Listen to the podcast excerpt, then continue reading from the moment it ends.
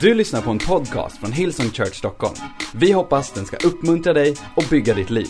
För att få mer information om Hillsong och allt som händer i kyrkan, gå in på www.hillsong.se. Amen, amen, amen, amen. Well, det är dags för dagens predikan. Varsågod och sitt om du är på ett mikromöte. Varsågod och sitt här. Vad länge som man sa det. Varsågod och sitt. Jag vet att det låter löjligt, men ni kommer få leva med det ett tag. Att vi är glada för att vi kan samlas igen och uh, vilket vi är. Här är ju, uh, här är ju, här är det här som en ljuschock här inne. Man är som ljusterapi, det är helt underbart. Det är knappt jag ser mina, mina notes uh, fast jag har på högsta, högsta ljus, vilket är bra. All right. Temat för dagens predikan är Gud är nära de som längtar.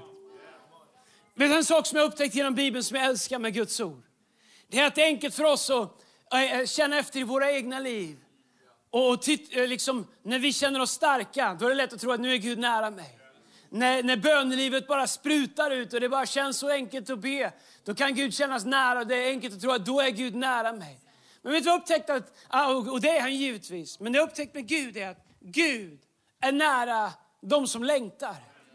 Alltså till en milda grad att Gud visar sig nära syndiga människor. Människor som gör fel.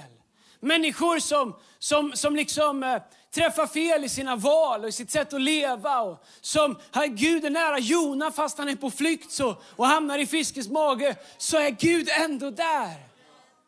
Gud är nära de som längtar. Jag skulle säga att jag, jag har fått uppleva det själv i mitt liv, inte minst det här året. I, under en period i början på året när, när vi hade haft ett helt år av eh, inspelningar och möten. Och, och liksom jag möte i studion och du är hemma och firar gudstjänst i bästa fall. Och, eller tittar, i, i, vilket också är bra, på möte. Så ska jag erkänna att i början på året så, för mig personligen så var det ganska tufft. Det kändes dött att vara i ett tomt rum och predika till en kamera. Och, jag vet inte, det där började eskalera och jag känner mig ganska trött och sliten. Jag har predikat extremt mycket det här året och tycker när jag öppnar Bibeln så brukar Bibeln tala till mig och predikningar brukar komma men det var som att Bibeln var tyst. Som att Bibeln inte talar, som att jag öppnar liksom men ingenting står ut. Och, och, och jag känner mig bara torrare och torrare på insidan och, och tänkte liksom att hur ska det här gå? Och ju närmare vi kommer och människor börjar prata om att vi ska öppna igen och jag tänker nu ska vi gasa. Och jag är helt tom. Jag är helt liksom färdig på insidan. Och så många i våra team har gjort ett sånt enormt jobb det här året som ligger bakom. Så här är en sak jag vill säga till vår kyrka. Att när du kommer tillbaka på ett mikromöte. Om du ser någon som du vet jobbar på staff. Eller du ser någon som är volontär. Du ger dem en coronakrav. Du får ge. Men om du inte uppmuntrar dem. Då får det med mig att göra. För våra team har gjort outstanding det här året. De är värda all heder. Men vet, så läste jag ett bibelord. Jag läste ett bibelord från psalm 34, vers 18. På svenska så står det så här. Herren hör när de rättfärdiga ropar och han räddar dem ur all deras nöd. Lyssna här vad det står i den engelska översättningen. Jag läser min dagliga bibelläsning i den engelska översättningen. Där står det så här. The Lord is close to the brokenhearted. He rescues those whose spirit are crushed. Och jag älskar det. He rescues those whose spirit are crushed. Jag vet att vi är en kyrka som är full av tro, som alltid vill förmedla tro. Som, som tror att liksom, tro är, det är liksom operativsystemet i Guds rike. Och jag är stolt över det. Jag är för det. Men vet du vad vi också är? Vi är en kyrka som har en Gud som säger att he rescues those whose spirit are crushed. Och mitt i min resa liksom tillbaks, när jag bara känner att, att Gud är nära och Gud börjar fylla på igen, så upptäcker jag så många människor jag pratar med. Underbara människor. Människor stabila i tron. Människor som älskar Gud. Där jag märker att det är fler än jag det här året som faktiskt har fått kämpa lite med sin relation med Gud. Så vad ska vi göra åt det? Och det första jag vill att du ska veta, att om du är en av dem som det här året, bibelläsningen har inte blivit vad den brukar det vara. Du har saknat lovsången i kyrkan, du har saknat atmosfären som lyfter och du har saknat gemenskapen och dagarna bör kanske börjar fyllas med andra och kanske har du till och med känt att du har börjat drifta lite grann. I ditt inre. I Kanske är det inte lika brinnande som det en gång var. Här är vad jag vill säga till dig. Gud är nära dig. Gud är nära de som längtar efter honom. Gud har inte flyttat sig. Gud har inte driftat. Jag vet att det har varit ett tufft år för en del, men jag är här idag för att säga att the Lord is close to the broken hearted and he rescues those whose spirit are crushed. Gud är nära dem med brustna hjärtan. Jag pratar inte bara om krossade hjärtan, utan längtande hjärtan. Han räddar dem vars ande är betryckt. Därför så vill jag bara säga att det, man behöver inte låtsas när man går igenom en tuff period. Visst, det kan finnas tillfällen när man måste vara stark, man måste leda, man måste göra saker.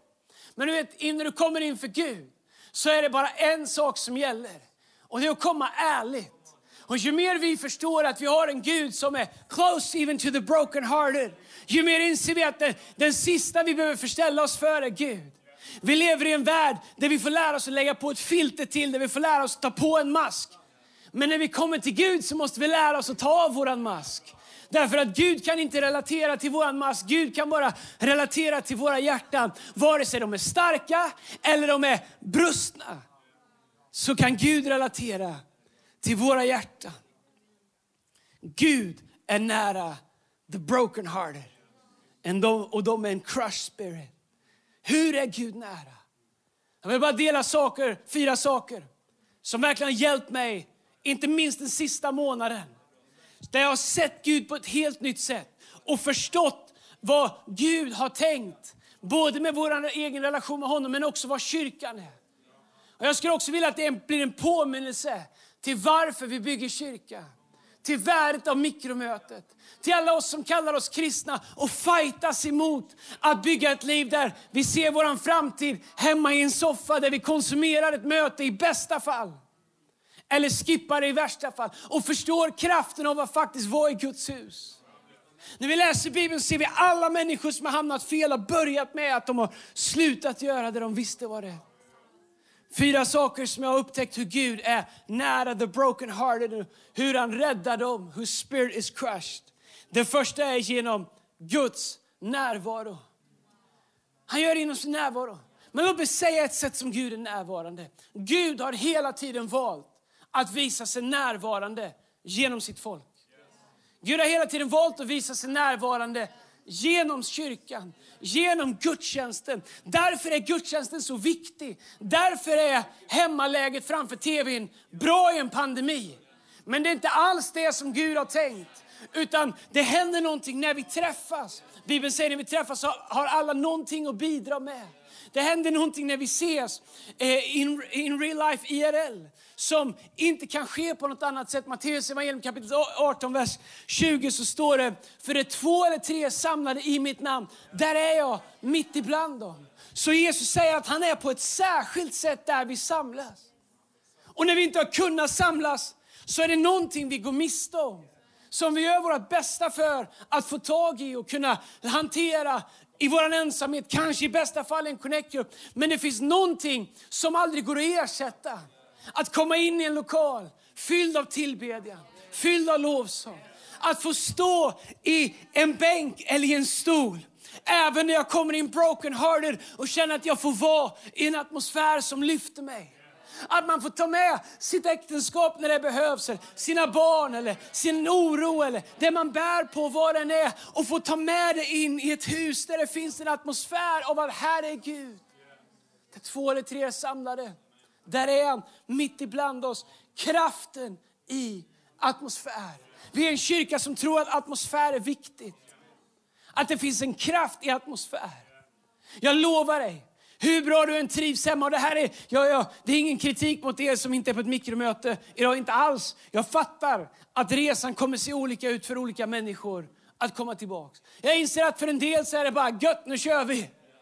Men för en del andra så är det fyllt av frågor. Och hur kommer det gå? Jag, jag har inte vaccinerad eller jag har fått min första spruta. Eller hur är det? Är det säkert? Ja, jag, vi, vi har all respekt för att resan kan se annorlunda ut.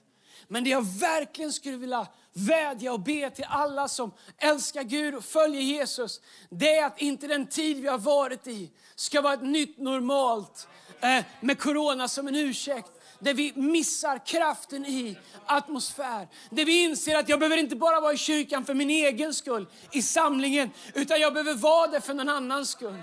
Det finns dagar när omgivningen i en gudstjänst har lyft mig med sin lovsång. Men det finns också dagar där jag har varit med och lyft omgivningen med min lovsång. Och där vi inser att vi har ett jobb att göra allihopa när vi samlas. Därför att det finns kraft i atmosfär. Gud är närvarande genom gudstjänsten, genom mötet, genom gemenskap. Det andra sätt som Gud helar dem med brustna hjärtan och fyller våran crush spirit, det är genom Guds folk, genom kroppen. I första Korintierbrevet så står det så här, om en del av kroppen får lida, då lider också alla andra. Om en del av kroppen blir ärad, gläds också alla andra. Ni utgör alltså Kristi kropp och var för sig är ni delar av den. Kraften i tillsammans. Du vet den här tron, livet med Gud. Fiendens absolut bästa taktik, det är att övertyga oss om att det går lika bra att göra det här själv. När du är ny i din tro, du har hittat hit under pandemin online och du känner ingen kristen. Hej, Gud är hos dig, det är kanon. Kom på ett mikromöte. Men vet du vad? Det här livet med Gud, det, det, det är ett liv som är tänkt att leva tillsammans. Där vi bygger varann. Där, det, alltså för att jag, mitt liv ska fungera som kristen så måste jag förstå att det är inte bara jag och Gud. Det är jag och Gud och Kristi kropp. Och Bibeln säger att vi är alla delar av en kropp. Om jag tar vilken del som helst, jag, jag styckar, eller jag, jag styckar i helgen, eh, eh, nötkreatur som man gör eh, här i Stockholm på, på lördagar. Och jag var nära att skära av mig tummen, för det var väldigt vassa knivar. Men om jag hade skurit av min tumme och den hade hamnat på golvet så kommer den tummen att dö. Oavsett vad tummen säger så kommer den dö. Därför att den är inte en del av kroppen. Därför vet fienden och det är så frustrerande när man ser att det händer igen och igen. Att om man bara kan få någon av oss att tänka att jag behöver inte kroppen, så då funkar inte blodsystemet. Du vet, för en del av oss som bara behöver få nytt liv i anden, få nytt liv i insidan. Vi behöver bara vara med kroppen en stund. Vi behöver bara vara med Guds folk. Vi behöver bara vara, träffa en connect-grupp, komma på ett mikromöte och förstå kraften av tillsammans. Och förstå att fienden vill isolera oss, men Gud vill samla oss. Därför att när jag är svag, då är du stark. Och när du kämpar, då kan jag hjälpa. Och det är så vi håller oss starka. Och det är så som Gud rör, även med, en broken heart. Det tredje som Gud hela våra brustna hjärtan och fyller våra ande, det är genom Guds löfte, ordet. Det första är Guds närvaro, gudstjänsten. Och det tredje är Guds folk, kroppen. Så är det tredje Guds löfte, ordet. Vet du, jag älskar Guds ord. Jag älskar Guds ord så oerhört mycket. Och det är min bön, inte minst ni som är unga, men även äldre också. Att ni skulle lära, att ni skulle, att ni skulle bli förälskade i Guds ord. För när inget annat finns som går att titta på, inget annat finns som makes sense, så är alltid Guds ord levande. Jesus säger i Matteus evangelium kapitel 24, vers 35 att himmel och jord ska förgås, men mina ord ska aldrig förgås. Och vet du hur mycket varje generation tycker att vi är de mest upplysta, vi är de smartaste som finns. Du vet, det finns alltid något nytt som ska förändras. Varenda generation ska göra om någonting och tycka att vi är de smartaste som har funnits. Men låt mig säga en sak som fanns från början. I begynnelsen var ordet, och ordet var hos Gud och ordet var Gud. Och Bibeln säger att han är densamme igår, idag och för all evighet. Och himlen ska förgås, jorden ska förgås, men Guds ord kommer aldrig förgås. Guds ord, Guds löften, det kommer stå stadigt därför att det är kraften i Guds makt. Jag älskar att i brevet så talas det om saker som kan skaka. Vi har gått igenom en skakig tid. Den har skakat många av oss. Pandemi, vem såg det komma? Ekonomier skakar, länder skakar. Samhället skakar. Det är skjutningar mer än någonsin. Det skakar överallt. Samhällen slits isär. Allt skakar. Men vet du vad Hebreerbrevet säger? Att vi har ett rike som inte kan skaka. Så oavsett om allt skakar i ditt liv så finns det ett som aldrig kommer skaka. Det är Guds rike, det är Guds ord och det är vad Gud har sagt och det är vad Gud har lovat. Men jag har glömt bort hur underbart det är att predika för människor i en kyrka. Ni är mycket bättre än vad en kamera är kan bara säga att jag kommer göra mitt bästa för att predika på så många mikromöten jag bara orkar. Och rösten håller för de närmsta veckorna. Det fjärde och det sista. Det är Guds omsorg. Vi läste The Lord is close to the brokenhearted and he rescues those whose spirit are crushed. Guds omsorg, anden, Guds närvaro, gudstjänsten, Guds folk, kroppen, Guds löfte, ordet, Guds omsorg, anden. I Jesaja kapitel 44, vers 3 så lovar Gud det här. Jag ska utgjuta vatten över törstande mark. Floder över uttorkat land. Jag ska utgjuta min ande över dina barn och mina välsignelser över dina ättlingar. Gud säger, jag ska utgjuta vatten över törstande mark. Jag ska låta floderna rinna över uttorkat land. Vet, jag älskar det med Gud. Han säger inte om du är torr, om du känner att ditt land är en öken. Om du känner att du är, ditt hjärta och din ande är törstande, då säger han inte, då måste du börja jobba på det. Då måste du börja skärpa dig. Då måste du liksom börja få ordning på ditt böneliv. Då måste du ställa klockan tidigare och gå upp ännu tidigare. Han säger, hej, ta det lugnt. Jag ska utgjuta vatten över törstande mark och floder över uttorkat land. Du förstår anden. Det är Guds omsorg över dig. Så om du är här och lyssnar idag på ett mikromöte eller online. Lyssna här. Gud, han är exakt där du är. Och om du skulle känna att ditt inre och din ande och din spirit inte är där den var för ett år sedan. Så vill jag säga en sak. Gud har omsorg om dig. Anden är Guds omsorg om dig. Om du bara ber honom så ska han låta vatten komma över törstande mark. Och han ska låta floder rinna över uttorkat land. Därför att Gud är så nära och han är så full av nåd och han är så full av kärlek. And he is close to the broken hearted. And he is close to those who are crushed in spirit. Gud är nära dig min vän. Gud är så nära dig. Och han längtar efter att vi skulle öppna våra inre. Att vi skulle ge honom möjligheten att få låta sin ande förnya oss. Göra oss levande igen. Utan skuld. Skuld, skam, fördömelse, det kommer från djävulen. Frid, anden, förnyelse, nytt liv. Det kommer från Gud. Det är det som Gud gör. Gud lyfter, han fördömer inte. Gud välsignar och ger liv. Han förbannar inte, han anklagar inte. Åklagaren, det vet vi vem det är och det är inte Gud. Det är våran fiende. Vi har en förlossare. Vi har en som står i gapet för oss och hela tiden ber för oss inför Fadern. Vi har en överste präst i Jesus Kristus som står inför Gud och manar gott för oss. Dag och natt så står han där och manar gott inför oss. Han står i gapet för våran brustenhet inför Fadern och säger, ge dem din ande. Jag ska be Fadern och han ska ge er anden. Han ska vara hos er alltid. Även i de torra perioderna. Även när du känner att det inte är som det har varit. Men min utmaning till dig det är att du skulle bestämma dig för att de här fyra stegen skulle vara dina fyra steg till ut ur pandemin. Ut i det som har varit det sista året. Att det skulle vara dina fyra steg in i det som inte är ett nytt normalt utan det som är normalt. Det kommer inte från ett normalt. Bibeln säger att det fienden menar för ont, det vänder Gud till någonting gott. Men jag vill bara tala ut det här över hela vår kyrka. Jag vill skicka ut det här som en utmaning till dig. Guds närvaro, Guds folk, Guds löfte och Guds omsorg. Det är våran väg tillbaks. Jag vill utmana dig, kom på ett mikromöte. Så fort du vågar och så fort du kan. Det är så safe, jag har gjort det safe. Det finns handsprit och allt möjligt och munskydd. Och vi kan ta hasmatdräkter och PL kan komma och spruta med vad det är han har att spruta med. Vi kan göra vad vi än har. Men låt inte fienden hitta på en anledning för att kyrkan inte längre ska vara din plats på söndagar.